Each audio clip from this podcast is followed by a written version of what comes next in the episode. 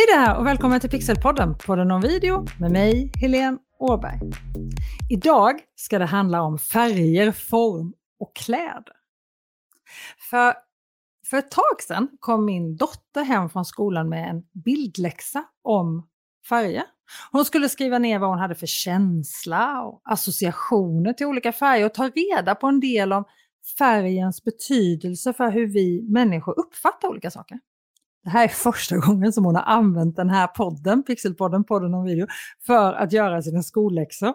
När hon hade skrivit ner sina egna associationer så lyssnade hon på ett tidigt avsnitt i den här poddens historia, avsnitt 9 av Pixelpodden, podden om video, hur färger påverkar oss. Hon skrev till och med ut min sammanställning över de vanligaste färgerna och vad de betyder som hör ihop med just avsnitt 9 och använde det för att göra sina skoluppgifter. Mina mammapoäng gick i taket.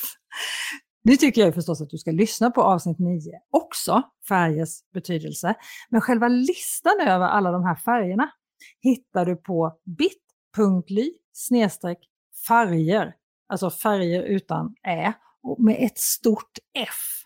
bit.ly färger och jag lägger en länk till där du kan ladda ner den här listan och vad de skickar för symbolvärde och associationer. De vanligaste färgerna vi har. Jag lägger en länk till det i beskrivningen till det här avsnittet. Men okej, okay, vad har då min dotters läxor i sjätte klass egentligen med det här avsnittet att göra? Jo, för när hon kom hem och pratade färger så blev jag inspirerad att posta ett Instagram-inlägg på mitt Instagramkonto Stockholm Pixel House på det här ämnet. Så jag gjorde en video, en reel, om färgval på dina kläder och vad olika färger säger oss undermedvetet. Hur rött kan hjälpa oss att sticka ut, hur blått kan hjälpa oss att få förtroende och hur vitt kan få andra att uppleva att vi är ärliga och oskuldsfulla när vi bär just vita kläder. Och då var det så kul, för då tog stylisten Jenny Åberg kontakt med mig. Alltså, älskar vi inte när vi får bra, kloka DM, alltså direktmeddelande i sociala medier? Jag älskar det, jag tycker det är så roligt. Och Jenny, hon jobbar med personligt varumärke genom kläder. Hon föreläser bland annat om hur kläderna påverkar dem du möter och hur det påverkar dig själv. Färger, kontraster, struktur, snitt, allt sånt där. Och inte minst skulle jag säga i den digitala världen när vi försöker göra snabba intryck och ta vår plats så gör ju vår personliga stil stor skillnad på hur vi uppfattas av följare och andra. Och här gör ju detaljerna skillnad. Vi är ju så snabba på att bilda oss en uppfattning. Vi har några få sekunder på oss att göra ett intryck hos de som ser oss i sociala medier. Så det här med ytan, alltså kläderna, håret, allt det här spelar ju större roll än vad vi kanske ibland vill. Och då menar jag inte att det måste vara snyggt, men vilken färg vi har och hur vi passar i de färgerna och allt det här sänder ju ett symbolvärde till tittaren. Och det här tycker jag är superspännande, det här med det undermedvetna och hur vi påverkas av det. Eller hur? Så jag bjöd in Jenny med det supersnygga efternamnet Åberg. Vi är inte släkt, inte vad vi vet i alla fall. Välkommen till Pixelpodden, podden om video, Jenny Åberg. Stort tack, jättekul att få vara med här. Så kul att du vill vara med. Berätta, vad var det som gjorde att du blev så intresserad av det här med kläder, färger och stil? Mm. Eh, det är så här att jag har en bakgrund där jag har jobbat själv eh, och gjort en karriär inom framförallt försäljning. Eh, så jag har gått ifrån att börja mitt första jobb som produktspecialist och sen så jobbat mig upp där jag eh, har varit så högt som försäljningschef över åtta länder inom eh, stora internationella företag. Ehm, så var det så att 2017 så hade jag eh, ansvar för fem länder och ett antal personer under mig. Och eh, då så köpte vi upp ett annat bolag och i den sammanslagningen så blev jag och de jag var chef över uppsagda. Och då funderade jag på vad vill jag bli när jag blir stor? Och då så tänkte jag så här att det här med hur man är klädd i mötet med andra, eh, det är ju någonting som jag själv hade behövt få hjälp med när jag började min karriär. Eh, och det är också någonting som jag har jobbat väldigt mycket med själv. Jag var 30 år gammal, skulle stå inför överläkare och professorer som var i medelåldern män.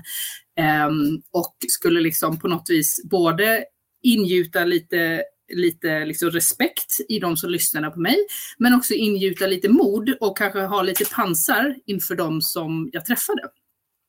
Så att det här var någonting som jag eh, använde mycket själv när jag jobbade och sen då när jag eh, skulle fundera på vad jag ville bli så kom jag fram till att ja, men det här är nog någonting som fler behöver hjälp med. Så att jag utbildade mig till klädstylist, makeupartist och hårstylist och idag så jobbar jag då med att hjälpa andra människor, framförallt eh, i näringslivet kan man säga, med hur man ytterligare så att säga använder den här verktygslådan för att få framgång i sitt arbetsliv kan man säga. För det här är ju en verktygslåda som också finns, precis som att man tränar sig på att bli bättre på presentationsteknik, på kanske, man går kurser i alla möjliga saker som handlar om ens arbete. Men vem har egentligen lärt oss hur vi ska klä oss för att optimera oss själva? Eh, så det är det här jag jobbar med och det tycker jag är superspännande. Alltså så otroligt, alltså så spännande. Det här är ju, ja, jag har så mycket frågor. Men om mm. vi börjar med det här med färger. För vi är ju mm. många som har mest svarta kläder i vår garderob. Mig själv inräknat. Jag sitter här nu när vi gör den här intervjun i en svart topp och svarta byxor. Och just svart på video kan ju gärna få oss att se lite äldre ut än vad vi är. Mycket mönster på kläderna gör ju lätt att det blir rörigt i bild och småmönster kan till och med upplevas på video och tv som att de är levande, som att de rör sig. Det har till och med ett eget namn, moiré-effekt. Och enfärgade kläder med betoning på färg är ju oftast det som fungerar bäst på video. Så hur ska vi tänka när vi väljer färger på våra kläder? Vilken mm. färg? Mm, precis. Eh, jag gör ju då färganalys och det här är ju någonting som inte är nytt utan det här kom eh, mitten av 80-talet ungefär kom det till Sverige. Eh, slog igenom ganska stort i slutet av 80-talet, början på 90-talet. Ehm, och sen så har det lite grann kommit i glömska ända tills nu. För nu är det nämligen en ny trend igen. Så TikTok är väldigt stort på att man ska försöka sätta sin egen färg eh, och sin underton eh, via olika eh, ja, appar och så vidare. Men jag kan säga att det är många som kommer till mig därför att det går inte riktigt att göra på det sättet. Utan jag gör färganalys och då tittar jag på undertonen på huden, om den går åt det kalla hållet eller åt det varma hållet. Om det går åt varmt så går du med en gul underton och går du åt det kalla hållet så har du en lite blå underton. Och generellt sett kan man säga så här att svart är det väldigt få utav oss som egentligen har som den optimala färgen. Eh, och då är det så här att Eh, anledningen jag har så mycket svarta kläder! Ja men precis. Och, och, det är så, det är jättemånga som har svarta kläder. Jag har också svarta kläder. Men det man kan tänka på är så här att när man är som tröttast, eh, kanske med en förkylning på vintern, eh, man är sliten på alla sätt och vis, då är svart sällan en bra färg för dig. Därför att den liksom suger musten ur dig. Eh, det som händer när man har fel färgnyans mot ansiktet, det är att du får skuggor under ögonen, Eh, runt eh, näsa och mun och du ser helt enkelt tröttare ut. Så det här som du uppfattar, som du säger här mycket riktigt på video då, att ja men det blir inte så bra om man har svart. Nej, därför att det blir inte så bra i verkliga livet heller. De flesta av oss bör inte ha svart och framförallt inte hela vägen upp till ansiktet. Alltså som en polotröja eller så här. Utan om man ska ha svart så ska man i så fall ha lite hud emellan. Ja, jag får börja titta igenom mina svarta polos. Jag har några sådana också. Ja, men precis. Men man kan säga så här att om vi pratar lite så här vad man kan tänka på som ett alternativ till svart då, så är till exempel marinblått väldigt mycket bättre. Eh, man kan tänka sig en eh, som den färgen som jag har på mig idag som är lite så här, eh, ja men som en kittfärg eller lite, lite cappuccino, alltså de här basfärgerna som inte är svarta. Vi har ju ett antal sådana i, i ehm, att välja mellan. Men det är ju också lite så att anledningen till att många har svart, det är ju för att när man går in i butiken så finns det mycket svart. Och då är det det man köper. Och sen när butikerna tittar på, hmm, vad ska vi köpa in till nästa säsong? Så ser de att ja, men det har gått åt mycket svarta plagg. Så då köper de in svarta plagg och så blir det en sån här ond cirkel utav det hela.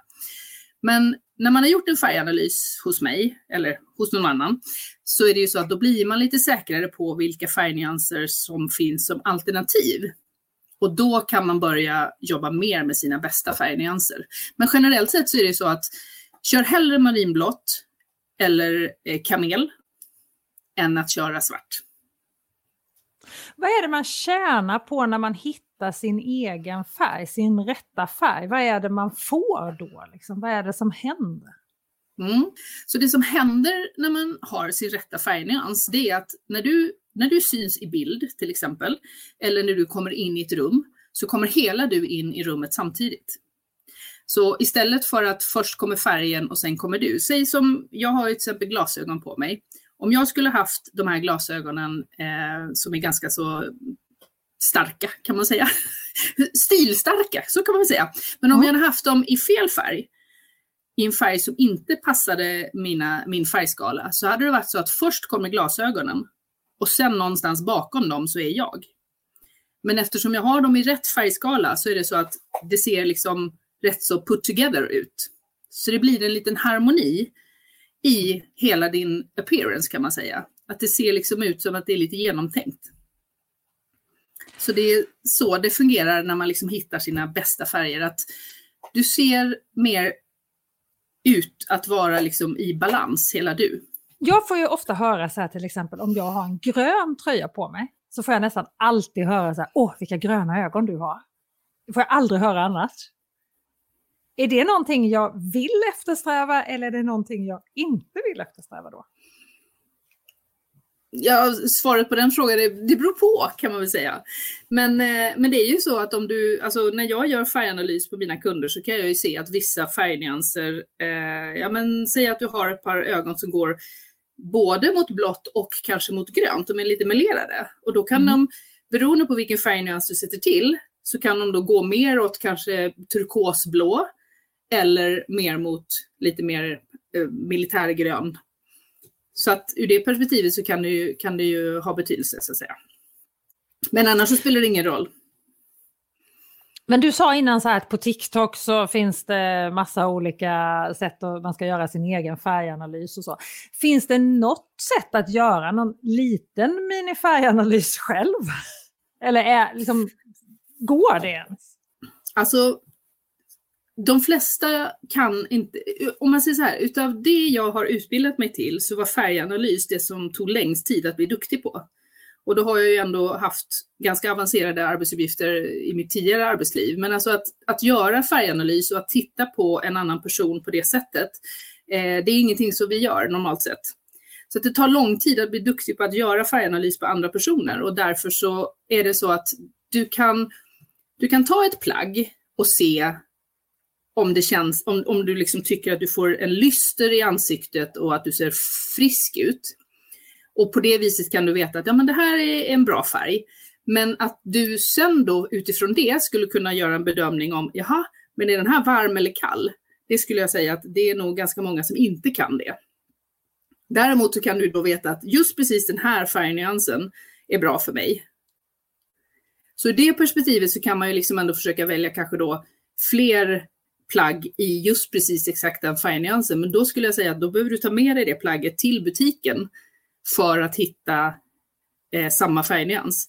För att när man gör en färganalys så får man en färgkarta med alla möjliga olika sorters eh, färger och färgnyanser. Och den behöver du ha med dig. Även jag som jobbar som personal shopper behöver ha med mig färgkartan för att kunna se, är den här verkligen rätt eller inte? Därför att det är så olika ljus i butiken. Eh, så du behöver liksom kunna lägga den här färgkartan bredvid plagget för att kunna se den ordentligt.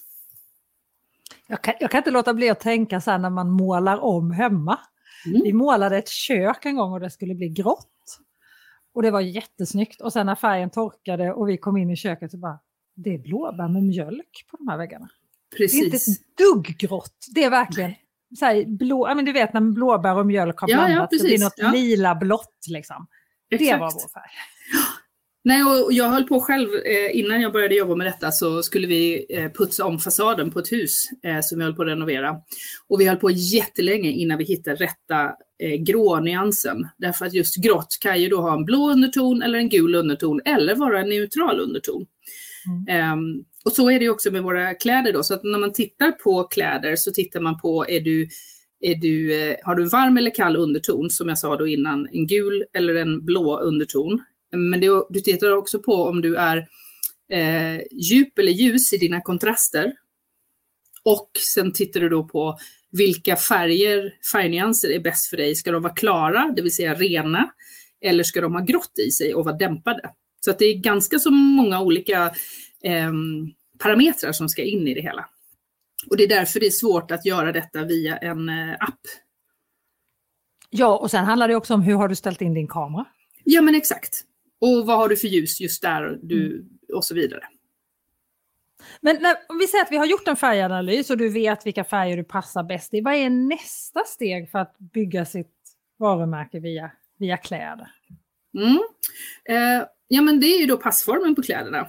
Så att, och där kan man väl säga att när färganalysen kom i eh, där, mitten av 80-talet, början av 90-talet, så var det så att då var det så här, eh, ja men här är dina bästa färgnyanser. Köp alla plagg i de här färgnyanserna så blir allting bra. Idag är det en utav tre saker som jag tittar på då och de flesta som jobbar som mig. Att man tittar på färgnyanserna, ja. Men man tittar också på kroppslinjerna. Alltså hur ska kläderna vara sydda för att de ska passa dig optimalt?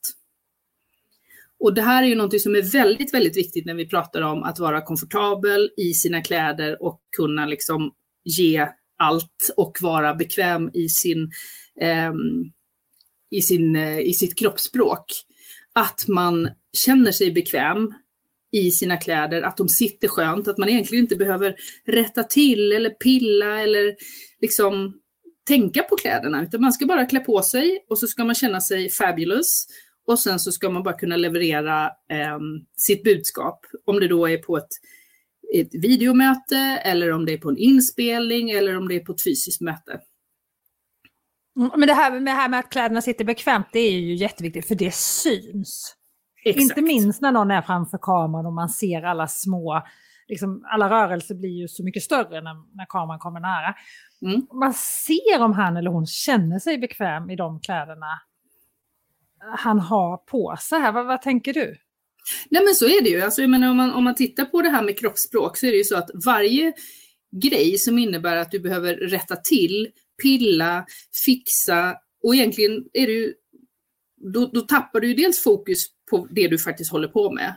Du håller på och pratar och sen helt plötsligt så måste du liksom rätta till din kavaj eller du behöver liksom dra upp byxorna eller vad fasken det är för någonting.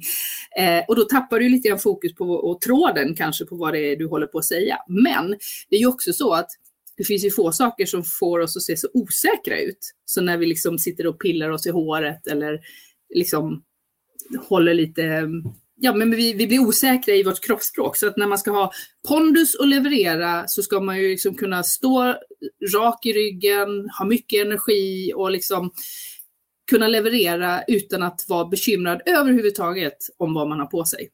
Utan bara känna sig, som sagt var, man känner sig stark i sina kläder. Och man känner sig säker i sina kläder om man vet att det handlar inte om att vara snygg, utan det handlar bara om att jag, jag vet att jag är rätt i det jag har på mig. Och jag känner mig bekväm, jag får plats i mina kläder. Man ska alltid se till så att man har kläder som är i den storleken man själv är i. Aldrig för trånga kläder, men kanske inte heller för stora. Utan man ska alltid liksom ha dem så att de sitter riktigt bra. Jag undrar om det är det som är hemligheten som du är inne på här nu, för att när jag håller kurser och workshops om att bli bekväm framför kameran, så ber jag ofta väldigt oftast när, jag, när vi gör övningar att jag ber deltagare ta av sig kavajen.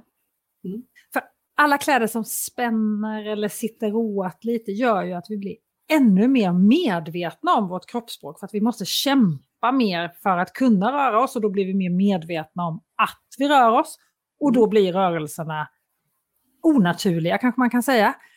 Och det ja. är hemma oss och vi blir nervösa och vi försöker plötsligt, nu ska jag vara naturlig och så kan jag inte ens röra mig riktigt. Nej men och sen är det också så att ofta eh, när vi ska göra någonting viktigt så tar vi på oss det bästa vi har. Vi kanske till och med går ut och köper nya kläder inför att vi ska eh, göra någonting viktigt. Men problemet är, har du på dig nya kläder så vet du inte riktigt hur de beter sig när du står i dem. Det kanske är så att du får svettfläckar. Det kanske är så att du kliver ur bilen på väg till det här viktiga mötet eller inför den här videoinspelningen och så plötsligt är allting helt skrynkligt. Um, och så vidare. Så att mitt råd till alla mina kunder är ju att du måste torrsimma dina kläder innan du använder dem på ett viktigt möte. Och med torrsimma menar jag då, sitt hemma eh, i dina kläder i några timmar, se hur det beter sig. Blir det svettfläckar? Blir du skrynklig? Och så vidare. Eller så kanske du har på dig dem på, jag själv hade till exempel köpt en klänning som var jättefin.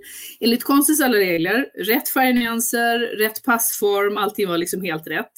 Och så gick jag iväg och så var jag på en brunch med min son eh, och sitter där och äter brunch och så inser jag att den där servetten som jag lägger i knät, den ligger på golvet hela tiden. Därför att liksom materialet är blankt. Vilket gör att servetten hela tiden glider iväg. Och då var det så här, mm, den här klänningen kan jag inte ha på en middag. Och så mm. kan det ju vara då när du står framför kameran och ska spela in någonting så behöver du ju liksom ha koll på hur beter sig det här plagget när jag står upp och pratar till exempel.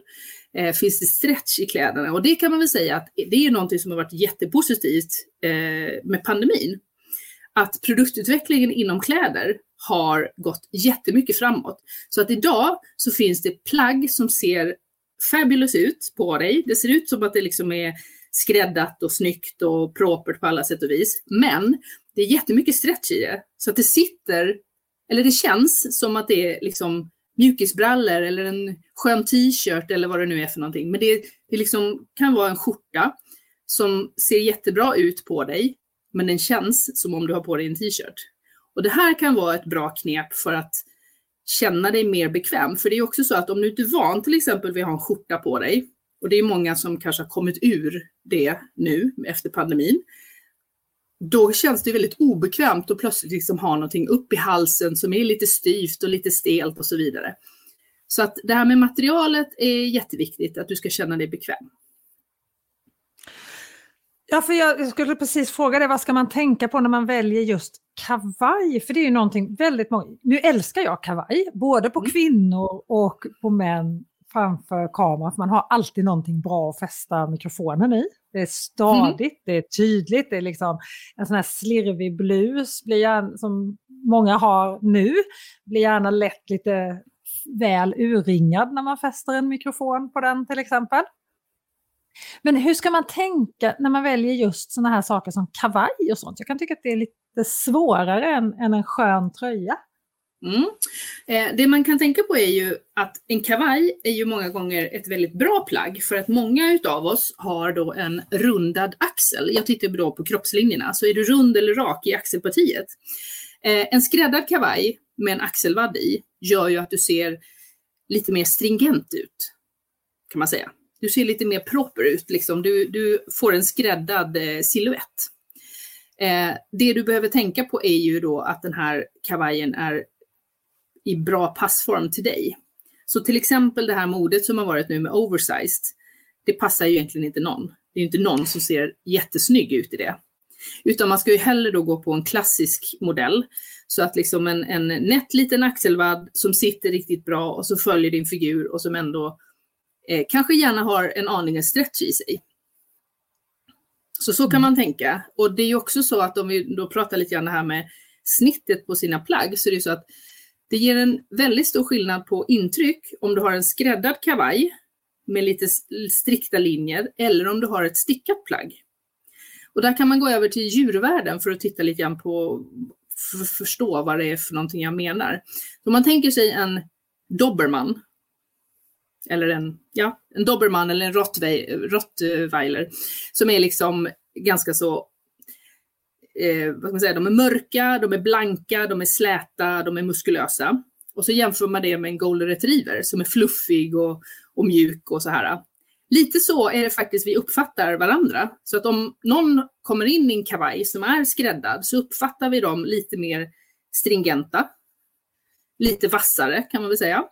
Medan om man kommer in i en stickad fluffig tröja så uppfattas man som mjukare. Och det här kan ju jobba åt båda håll.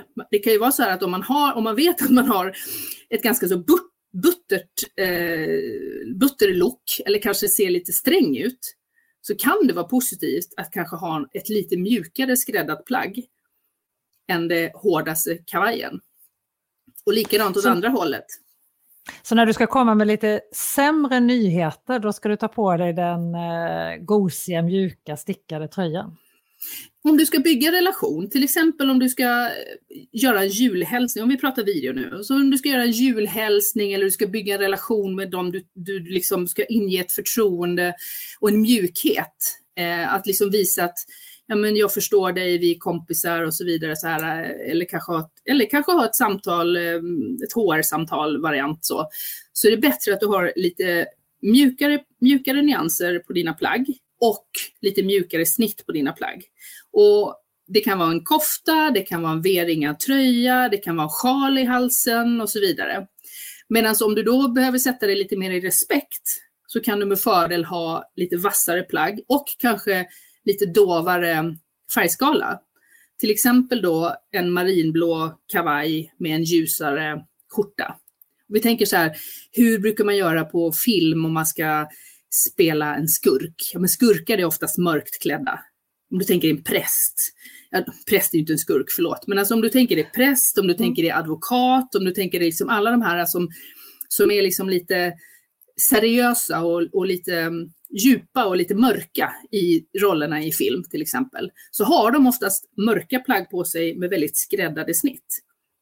Och så kan man tänka också i arbetslivet då, eller i videosammanhang, att är det det du behöver förmedla, eller du kanske behöver liksom stärka upp din lite mjuka look för övrigt, så kan du, så som jag gjorde när jag var 30, ja men när jag skulle ställa mig där inför de här hemska professorerna och överläkarna som bara ville liksom, ja, de tyckte bara att jag var lilla gumman. Ja, men då var det väldigt bra för mig. Jag har på mig en mörk kavaj med liksom lite, jag såg lite vass ut om man säger eh, rent klädmässigt. Det här är så spännande. Mm. du, pratar, du pratar ju om snitt, du, du nämner ordet snitt här ganska många gånger. Vad är mm. det som avgör om ett klädesplagg sitter sådär gjutet när det ser ut som det är sytt på personen? Vad är det som påverkar vilken typ av kläder vi passar i? Liksom? Mm. Ja, men jag gör ju då en kroppslinjeanalys. Jag gjorde en så sent som nu ikväll. Eh, och då vad jag tittar på är liksom, ja men hur är dina proportioner mellan eh, ben och överkropp? Eh, var någonstans sitter midjan i förhållande till liksom, höftpartiet? Eh, är du rund eller rak i över, överkroppen i axelpartiet? Är du rund eller rak i det nedre partiet? Och de här sakerna behöver man ta hänsyn till när man sedan väljer kläder.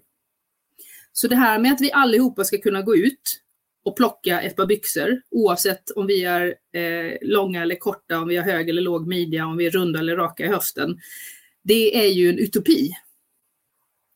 Därför att vi har olika kroppslinjer och alltså finns det olika snitt som passar optimalt. Och det är det som jag tycker är så roligt med mitt jobb, därför att jag ger genom att, de, genom att mina kunder får en större kunskap om varför en byxa kanske inte sitter optimalt på dem, att det inte handlar om de där fem kilorna, utan att det handlar om att de är liksom byggda på ett annat sätt. Det spelar ingen roll om du går ner eller upp fem kilo, för det handlar om dina kroppslinjer, alltså ditt skelett. Då får man en större förståelse för att, aha, det är därför de här byxorna inte funkar. Nej, det, det är helt rätt. Och de kommer inte att funka sen heller, utan det är de här snittet du ska titta på. Så det blir ju väldigt kroppspositivt, vilket jag tycker är väldigt viktigt. Men det är ju också så att om vi tittar tillbaks på den tiden då alla gick till någon sykunnig, om det var en skräddare eller om det var någon släkting eller vem som nu sydde kläderna åt dig, så tror jag inte det var någon som tänkte det är något fel på mig. För alla fick kläder som passade din form. Mm. Idag är det så många som känner, och det tror jag också har jättestor betydelse för när man ska liksom leverera inför en video och så vidare, att man, liksom, att man känner sig så bra man kan helt enkelt. Och som sagt var, det handlar inte om att vara snygg som i vacker, utan det handlar mer om att göra det bästa utav det man har. Jobba med sig själv istället för mot sig själv. Jag kan klä upp och ner en person så att de ser ut som att de har gått upp 10 kilo eller att de har gått ner 10 kilo. Bara genom att välja kläder som sitter på olika sätt. Alltså när du pratar nu så kan jag inte låta bli att tänka på i ett annat liv när jag var mycket mer vältränad än vad jag var, är nu. Så de här var det väldigt modernt ett tag med sådana här klänningar som de liksom satt åt under bröstet, precis under bröstet och sen hängde de löst ut. Och jag var väldigt vältränad då. Jag såg ut som en teletabby. Ja. Och, och, och det gjorde de flesta skulle jag tro. Ja, men jag hade ju kompisar som bara var smashing i de där klänningarna. Och man bara, men hur gör hon? Mm. Alltså jag skulle tro att eh, om du skulle se smashing ut i den modellen på klänning så skulle du förmodligen ha en rak höft. Det vill säga inte ha en rund höft. Eh, så fort du har en, en rundad höft, vilket de väldigt många kvinnor har, eh, det vill säga att man, när, man, när man går upp eller ner lite grann i vikt så lägger man på sig lite grann på rumpan. Då, då har man en rundad höft. Och det har de flesta. Eh, de som ser bra ut i den typen av klänning, det är de som har en rak höft. Men de ser kanske inte jättebra ut i andra plagg. Så det är det man också behöver tänka på, att det som passar någon annan kanske inte passar mig. Och det är det som man behöver tänka på när man liksom tittar på Ja, men ofta så blir vi inspirerade utav, vi ser någon på TV eller vi ser en eh, väninna eller någon eh, i någon butik eller något sånt där och så köper vi kläder och så tänker vi inte på att ja men är det här verkligen, har vi verkligen samma kroppsform, den här personen och jag? Och det kanske man inte har och då blir det inte riktigt bra. Det är ungefär som att klippa lugg när man är väldigt rund i ansiktet eller ja. ha mittbena när man... Ja, för och det har man ju pratat ganska mycket om ansiktsform och olika frisyrer och så här, men inte så mycket om kroppsform och olika typer av byxor eller kavajer eller klänningar eller så. Nej, och det kan vara likadant där. Jag vet ju många, jag jobbar ju med frisör, fris, frisörer också eftersom jag gör såna här, gör om mig och sånt. Eh, och det är ju så att jag menar, du kan ju komma med en frisyr som du vill ha men du kanske inte alls har samma sorts kvalitet på håret som den personen som har den här frisyren. Um, så du behöver ju tänka på, men vad har jag för förutsättningar och hur kan jag jobba med mina förutsättningar? Jag har eh, en kund som, och det är ganska vanligt också, jag har en kund som har lockigt hår och som tycker att hennes lockiga hår blir inte lockigt så som hon vill ha det. Så då har hennes lösning varit att hon plattar det. Men ett lockigt hår som man plattar blir inte heller riktigt bra. Därför att så fort det blir lite fuktigt eller så, så blir det ju frissigt istället. Så då gjorde jag så att då visade jag henne ett verktyg som gjorde att hon kunde, som jag sa till henne, men varför inte locka till det partiet som inte blir sådär optimalt lockigt av sig själv, varför inte locka till det och hjälpa det lite grann på traven? Och då började, hon bli, då började hon gå runt och vara lockig istället till både sin egen och till sin mans och alla andras stora förtjusning. För att hon såg ju väldigt fin ut i det här lockiga håret. Vi som är helt rakhåriga och inte har en lock på huvudet, vi blir bara så här, åh, jag vill Precis. också ha lockar. Varför vill man alltid ha det man inte har, eller hur? Nej. Nej men precis, och det är, men det är, jag tänker så här att det är väldigt viktigt att vi försöker att acceptera det vi har och så jobba med det. För det är ju så att det vi har kanske den andra personen inte har. Eh, så att man kan bli inspirerad av andra, men sen måste man skruva det till sin egen eh, stil så att säga. Och där kommer vi då in på den tredje delen som är i vad jag gör och det är ju då att hitta sin stilprofil. Alltså hur ska jag alltid känna mig som mig själv oavsett vilken klädkod som gäller på det här mötet, eller på det här eventet eller vad jag nu ska någonstans. Och det är ju då någonting som jag gör med hjälp av intervju, titta på bilder och så till slut så nycklar jag liksom ut hur ska jag sätta ihop mina kläder för att det alltid ska kännas som jag. Ja, det där är ju så spännande. Liksom. Hur hittar man sin stil? Mm, precis. Och de flesta tror att man bara är en stil, att man är bara klassisk eller bara kvinnlig romantisk eller bara vad man nu är för någonting. Men utav alla personer som jag har gjort stilanalys på, vilket är väldigt många efter fem år, um, så är det så att alla är liksom en kombination utav flera olika stilar. Så till exempel jag då. Jag gillar klassiska rena linjer med kvinnlig passform men dramatiska detaljer. Och det är därför jag till exempel sitter i ett par ganska så dramatiska glasögon med ganska stora örhängen. och lite sådana här detaljer, men också i en kavaj. Mm. Så när jag har fått kläm på de här detaljerna så vet jag hur jag ska sätta ihop mina kläder för att det alltid ska vara jag. Vare sig jag kan vara liksom precis så som jag egentligen skulle vilja vara, alltså privat oftast, eller om jag behöver kanske dämpa mig lite grann och anpassa mig, så kan jag ändå liksom, jag kan ändå få ha med någon liten del utav mig själv i den här klädkoden. Så är du en person som gillar hawaiiskjortor så kanske du inte kan gå i en hawaiiskjorta på jobbet eller stå framför videon och, och spela in i en hawaiiskjorta. Men du kanske kan vara, kanske kan ha ett par kalsonger med hawaiitryck liksom. För att det ändå ska finnas någon liten del av dig i det hela. Ja, ja, det här är, det här är så spännande. Jag börjar genast här, vad är jag för stil? Vad, vad, vad är min stil? Jag, jag vet inte, jag, jag, är allt tror jag. Jag, bland, jag blandar hej vilt. Du skulle få panik om du såg min garderob tror jag.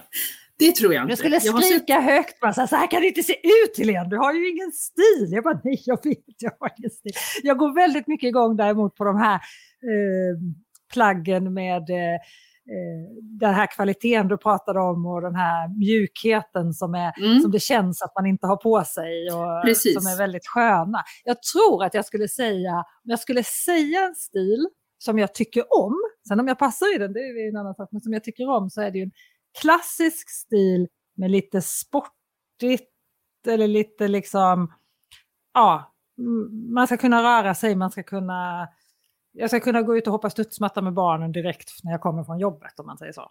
Förstår du vad jag är ute efter? Ja, då förstår jag. Och då, då skulle det förmodligen vara så att du har en klassisk stil eh, och du är en kombination av klassisk och bekväm. Mm. Mm. Och det som kan hända då när man, har, när man har den stilen klassisk och bekväm, det är att man eh, i den här strävan efter att vara ganska så neutral så tappar man bort eh, blinget. Alltså det här som gör det lite mer personligt. Alltså man kan bli lite tråkig. Eh, jag brukar förklara det som att om man tänker sig att man köper eh, eller man inreder ett vardagsrum så inreder man det med en soffa och med ett soffbord och kanske eventuellt en matta. Men sen glömmer man kuddarna, pläden, ljuslyktorna och kanske några växter i, i fönstret. Liksom. Och där kan det ju vara så att vi är olika personer som skulle vilja ha olika typer av kuddar, olika typer av plädar, eh, olika typer av ljuslyktor. Men vi kan nog allihopa hålla med om att det ser rätt så trevligt ut om man har en kudde och en filt och en ljuslykta och en växt i fönstret. Liksom. Utan det så ser det ganska så spartanskt ut. Och lite så är det med våra kläder också, att vi behöver liksom... Jag känner mig så vi behöver, nej, men vi behöver liksom inte pynta oss, om, om vi ser på... Vi behöver liksom inte pynta oss att alla ska ha jättemycket bling eller jättemycket färg, utan det handlar mer om att ja men då kanske det är så att du ska ha som du har idag ett, ett ganska så enkelt halsband. Ja men det kanske är din stil så att säga. Medan min stil är det här äh, örhänget med ganska mycket strass på liksom. Det finns ingenting som är rätt eller fel utan det handlar om vad som är rätt för dig och vad som är rätt för mig. Mm. Mm. Ja, alltså det här är så spännande det här med att kommunicera via kläder. För vad säger det här om oss då? Om jag liksom kommer upp på scen eller ställer mig framför kameran i, utan kuddar och filt och ljuslykta och, och liksom, vad säger det? Vad, vad får liksom mottagaren för bild av mig direkt då? Hur mm. mycket liksom tar det bort från det jag säger? Alltså, jag skulle vilja säga att det kanske inte tar bort så mycket, men man, kan, man har en möjlighet att vara lite mer personlig. Eh, och man har också en möjlighet att variera sina kläder. Alltså man kanske har, om vi pratar lite så här miljö, så är det ju så att man behöver egentligen inte ha så mycket plagg, utan man behöver bara kunna variera dem. Och variationen kommer med accessoarerna. Så med kanske en sjal, med ett örhänge, med ett halsband, med liksom någonting i något mönster eller så här. Ehm, så att när man kliver upp och ställer sig på scen så kan man ju vara ganska så enkel och avskalad om det är en stilpreferens. Men nästa gång du kanske står i samma kläder så ser det ut så, då har du exakt samma kläder. Då finns det liksom ingen skillnad. Så det är lite det som, som du kan variera med accessoarerna. Och en accessoar kan också vara en sko. Eller en väska. Ja. Mm. Mm. För jag tänker så här, är det liksom... finns det grader i helvetet höll jag på att säga. Men jag tänker så här, är det värre att ta i för mycket eller är det värre att ta i för lite? Om man mm. tänker att mottagaren ska liksom lyssna på det jag har att säga. Ja, men jag tror att um, den stilen man har får man ju försöka att ha i en lagom eh, volym. Så om man tänker sig att, att man har sin stil, om man tänker sig en volymknapp på en stereo, så är det ju så att när jag kör min stil på max, på högsta volym, så har ju jag liksom en kaftan i jättemycket mönster, jag har kanske mycket liksom eh, smycke, jag har färg på mina naglar, jag kanske har läpps, alltså du vet jag kör liksom all in. Men det är ju jag i det privata läget. Medan när jag då kanske ska, så, så, får jag liksom skruva ner volymen lite grann beroende på vilket sammanhang jag befinner mig i. Och där kan man också tänka på det här med accessoarer, att om du kommer in på ett möte och ska träffa någon annan och du känner, och, och du är så här, jag undrar om jag ska ha kavaj eller inte kavaj. Så det är bättre att du har på dig någonting och sen så har du en kavaj över, för du kan alltid ta av dig. Än att du missar att ta på dig en kavaj, för då kan du liksom inte rädda den situationen. Nej, just det. Så där kan man tänka lite grann. Om man tänker sig, jag brukar också se, alltså, alltså tatueringar är också en accessoar. Så om du har mycket tatueringar på armarna så kan det ju vara så att privat så går du i en t-shirt och visar alla tatueringar du har på armarna till exempel. Medan när du sätter dig på jobbet så kanske du liksom har en skjorta som går ner till armbågarna. Men om du inte riktigt vet vilket slags möte du går in på så kanske du föredrar att ta på dig en skjorta som går hela vägen ner till handlederna för att sedan kunna vika upp om det skulle vara så att det känns som att ja, men här kan jag vara, här kan jag skruva upp min volym lite grann. Det här med att kommunicera via kläderna är ju, det är ju jätteintressant tycker jag. Inte där, där vi började med det här med färger, hur man syns mer i rött, hur man får mer förtroende i blått, hur man blir lite oskyldig i vitt. Just på video gör ju alla de här färgerna, det gör de ju alltid, men det blir ännu mer tydligt där. Vi har ju mm. sett många presidenter genom året och statsmän som håller vad ska man säga, tal till nationen i mörkblå kavaj, ljusblå skjorta och liksom ska vara det här trygga, lita på mig. Reinfeldt när han skulle marknadsföra Nya Moderaterna där, han hade ju nästan alltid eh, blå skjorta och röd slips för att synas i gruppfotot. Mm. Moderaterna var ju ganska tidiga med att börja jobba med färgkoder på kläder och så här. Mm. Tror det var jag har inte frågat honom, men jag tror ju det var helt medvetet. Det var det alldeles säkert. Och en sån person som Anna Lind till exempel, hon hade ju eh, väldigt ofta till exempel en röd kostym på sig bland alla andra i blå kostym. Mm. Så att jag menar, om du är säker på din stil så kan du ju, så vågar du ta ut svängarna mer. Um, så, att, så att det är ju absolut, och om vi pratar presidenter så var det så att på senaste, eh, när Joe Biden blev invald till president, så hade alla kvinnorna lila på sig som var där uppe med honom. För att lila är en väldigt stark powerfärg. Lila är ju en intressant färg eftersom den är en sån där färg som är lite olika beroende på vilken kultur du mm. kommer ifrån. Precis, och det är också något som är jätteviktigt att tänka på. Eh, och det var också det som jag själv har fått lära mig eh, och det som gör att Alltså jag tycker ju själv att det är roligt att kunna förmedla det vidare därför att när man har jobbat internationellt som jag har gjort, suttit i ledningsgrupper och varit med på stora eh, möten med både Europa och, och världen som, som deltagare så har jag ju både, jag har ju både sett olika personer komma in eh, i de här mötena och hur det, hur det blir när de lyckas respektive inte lyckas så bra. Um, och det är så att man ska inte, alltså alla vet ju att vi inte ska döma varandra utifrån utsidan så att säga. Vi är ju naturligtvis, det viktigaste är ju insidan. Men vi är ju också, eh, kommer ju också från djurriket, så vi har ju verkligen inte många sekunder på oss innan någon har bestämt sig för eh, liksom, är det här en vän eller fiende och kan den här sitt jobb eller kan den inte sitt jobb och så vidare. Och om man börjar i en uppförsbacke så har man ju längre tid, alltså det tar längre tid innan man har vunnit förtroende. Så i det perspektivet så kan det vara väldigt bra att ha koll på det här med färger. Nu nämnde vi ju lila här som en färg som har olika, olika mm, symbolvärde, kanske man kan kalla det, mm. i olika kulturer. Och du sa att eh, Biden, på de på scenen hade lila på sig. Och i västvärlden är det ju en sån kunglig, spirituell överlägsenhet. Medan det i indisk kultur är sorg och tröst. Mm. Och då gäller det ju att du vet var du är någonstans när du ska liksom... Ja, och, och det är också det det är också det som är ganska viktigt när vi, när vi pratar om vad vi har på oss här i Sverige. En del som kommer till Sverige tror ju att vi har landsorg därför att vi är så många som går i svart.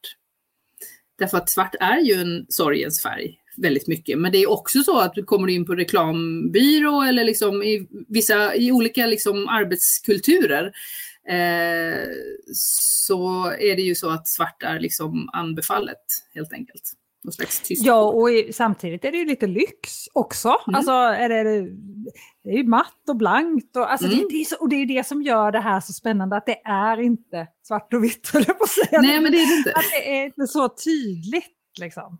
Nej. Nej, men det, som, det som kan vara bra om man pratar om det här med liksom att hitta sina färgnyanser, det är ju det att om man då vill ha en färg, till exempel nu så är det ju faktiskt så att just lila är årets modefärg Eh, då kan det ju vara bra att veta, okej, okay, om jag nu vill ha någonting i lila som, så att jag hänger med i modet, vilken nyans utav lila är den optimala för mig? Så att jag brukar ju liksom rekommendera att man försöker hålla sin basgarderob i neutrala färger så att man kan ha dem väldigt, väldigt många år. Men det kan ju vara roligt att ha en t-shirt eller någon detalj i den rätta färgen så att säga för året. Men man behöver ju inte gå ut och köpa en hel kostym i eh, årets modefärg. Jag har ju gjort det såklart, men det är ju för att jag jobbar med det jag gör. Jag har ju lila men kostym, såklart. Ja, såklart. I rätt lila nyans. Ah, ja. Men alltså, den här, eh, den här videon som jag pratade om, med, som jag gjorde när vi, när, vi, eh, när vi hittade varandra, när vi fann varandra du och jag. Eh, jag har postat den, jag har ju en Facebookgrupp till den här podden som heter mm heter precis som podden, Pixelpodden, podden om video. Där har jag postat den videon nu till det här avsnittet så att man kan se, se den. Jag tänker också be att jag ska få ta en bild. Nu har du refererat så många gånger till dina glasögon och till dina örhängen så jag måste ju lägga upp en bild hur du såg ut just och hur svart och tråkig jag ser ut. När vi, när vi, så vi måste komma ihåg att fota oss innan vi avslutar, det här, avslutar det här samtalet. Men innan vi avslutar så skulle jag vilja säga så här, vad, vad är liksom dina, om du ska ge oss tre tips hur vi ska liksom kommunicera genom våra kläder, vad, vad skulle mm. det vara? Så tre tips eh, för att kommunicera genom våra kläder, det är ju då att eh, fundera på om du behöver eh, ingjuta lite respekt eller om du behöver visa en mjukhet. Och det får ju då avgöra vilket snitt på dina kläder du har, om du har en strikt kavaj eller om du har en fluffig tröja. Eh, sen kan du då fundera på dina färgnyanser. Ju mer utvilad du är, om du till exempel haft semester och eh, blivit solbränd och eh, är ledig och fräsch så kan du ha alla färgnyanser. Men i februari när vi alla är trötta, slitna och kanske har förkylning, då behöver du verkligen ha dina rätta färgnyanser för det kommer att ge dig ett bättre glow. Och sen då den tredje varianten, eller den tredje eh, saken att tänka på, det är ju se till så att dina kläder verkligen sitter optimalt på just dig så att du är bekväm i dina kläder så att du inte behöver rätta till dem. För du ska verkligen bara klä på dig dina kläder med omsorg och sen känna dig fantastisk och inte behöva tänka på dina kläder när du står framför kameran eller när du sitter i ett möte. Nu måste jag fråga, så här, vilket är de vanligaste misstagen vi gör? Ja, det vanligaste allra vanligaste misstaget är att man står framför spegeln och provar ett plagg och inte tänker på att när du sen kommer till jobbet eller till mötet så ska du sitta ner. Och då står du kanske framför spegeln och kanske eventuellt håller in magen en aning ens Och sen så när du sätter dig ner, och det spelar ingen roll om du är världens mest vältränade människa eller om du har lagt på dig några kilo, så är det så att kroppen flyter ut när man sitter ner. Så när du provar kläder, speciellt efter semestern eller julledigheten, så sitt ner för att se om de här plaggen sitter bra på dig. Och det kan vara till exempel en skjorta, eller en blus, eller en klänning eller kjol. För att se liksom, sitter den här bra på mig när jag sitter ner? Eh, och hur pass kort blir den här kjolen när jag sätter mig ner? Så det är, det är ett väldigt vanligt misstag som man gör. Att man tror att det här plagget sitter bra och så, så är det ju också så att då sitter man på det där mötet och så plötsligt så känner man shit, det här blev inte bra. Och så ska du ändå sitta där hela dagen och känna dig fel. Ja, det här, och sen är det ju, jag kan inte låta bli att tänka så här, hur ser kläderna ut sen när man har suttit i dem? Det där var ju, kommer du ihåg när det var väldigt, kanske det är det igen, jag har så dålig koll, men det var väldigt trendigt med linnebyxor. Ja. Det brukar ju komma så här års på våren. Och så har man suttit i dem och sen ska du plötsligt ställa dig upp framför kameran. Du kanske har suttit i dem hela dagen och det behöver inte vara alltså att det är 100% linne utan att det är byxor som rynkar sig lätt. Mm, och sen precis. så har eh, alla de här jätteskrynklorna precis vid ljumskarna. För att då har Ja. man suttit där och vikt brallorna hela, hela dagen och sen ska man ställa sig framför kameran och spela in någonting eller vara med på tv eller vad det nu är. Och så ser det ut som att du har gått hemifrån utan att stryka dina kläder överhuvudtaget. Exakt, och det är därför man behöver torrsimma sina kläder. Så testa kläderna hemma eh, när det inte är så viktigt. Sitt i dem några timmar för att se om det här är de kläderna du ska på dig när du till exempel ska stå framför kameran. Om det är så att du behöver sitta på vägen till eh, inspelningen. Eller så får du ta med dig byxorna hängandes på en galge. Det kan man också göra. Det kan man också göra. Tack snälla Jenny för att du tog dig tid att vara med här i Pixelpodden, podden om video. Alltså det här är så spännande och så lärorikt och jag kan säga att jag har ju lite jobb att göra med att rensa min garderob. Ja, men Men du gör ju välkommen. färg och stilanalyser både i verkliga livet, alltså IRL i Malmö, Mm. men sen gör du det digitalt också så man måste inte resa för att få hjälp av dig, eller hur? Nej, jag jobbar ju mycket digitalt också så att jag kan göra färganalys digitalt, eh, stil och kroppslinjeanalysen eh, och jag har ju också kunder som jag coachar på distans. Ehm, så att eh, jag finns i Malmö men jag finns också via webben. Ja, det är jättehäftigt. Om man vill kontakta dig Jenny, var hittar man Mm. dig då? Ja, men jag har en eh, väldigt bra hemsida, Proper Style by Jay. Där finns eh, i princip allt om mig. Eh, vill man följa mig på Instagram så heter jag Proper Style by Jay och vill man följa mig på Facebook så heter jag Proper Style by Jay. Jag är ganska Ah, så, så eh, bra. ja, stringent i det hela.